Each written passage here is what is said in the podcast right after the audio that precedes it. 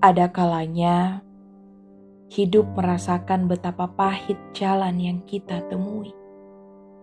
Penderitaan yang begitu hebatnya, bertubi-tubi musibah yang melanda, silih berganti cobaan yang menderah. Tentu, setiap kita tidak pernah memintanya,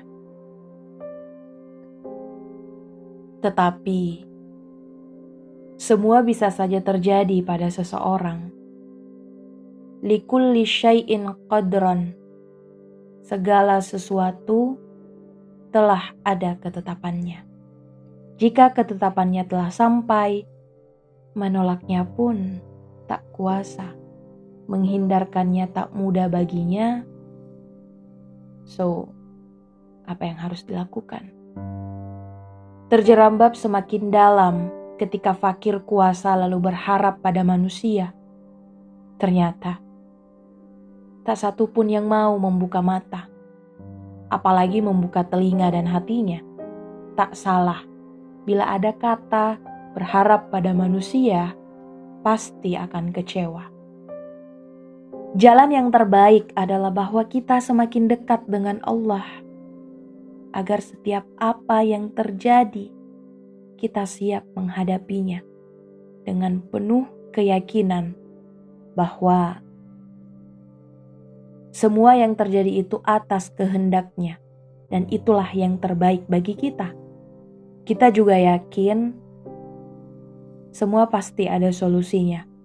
Bahkan Allah tak akan pernah menyia-nyiakan hambanya. Jadi ingat, pesan indah dari Imam Ash-Syafi'i. Idza takhalan nasu minka fil kabri. Kalau manusia menghindar darimu dikala engkau mendapatkan musibah, fa'lam bi annallaha yuridu ayata wal amruka wahdah. Maka ketahuilah bahwa Allah hendak mengurus urusanmu sendiri. Allah sendiri yang hendak mengurus urusanmu. Wa kafa billahi wakila. Dan cukuplah Allah sebaik-baiknya yang kita jadikan sandaran. Beginilah seharusnya kehidupan seorang muslim, penuh optimisme dan harapan akan kehidupan yang lebih baik. Bersebab Allah menjadi sandaran setiap langkah dan tumpuan yang dilakukan seorang hamba. Allah begitu sayang pada hambanya, maka banyak sebab yang akan Allah turunkan untuk menguji siapa pun sebenarnya di antara hamba yang dicintainya. Dan apakah ia juga mencintainya?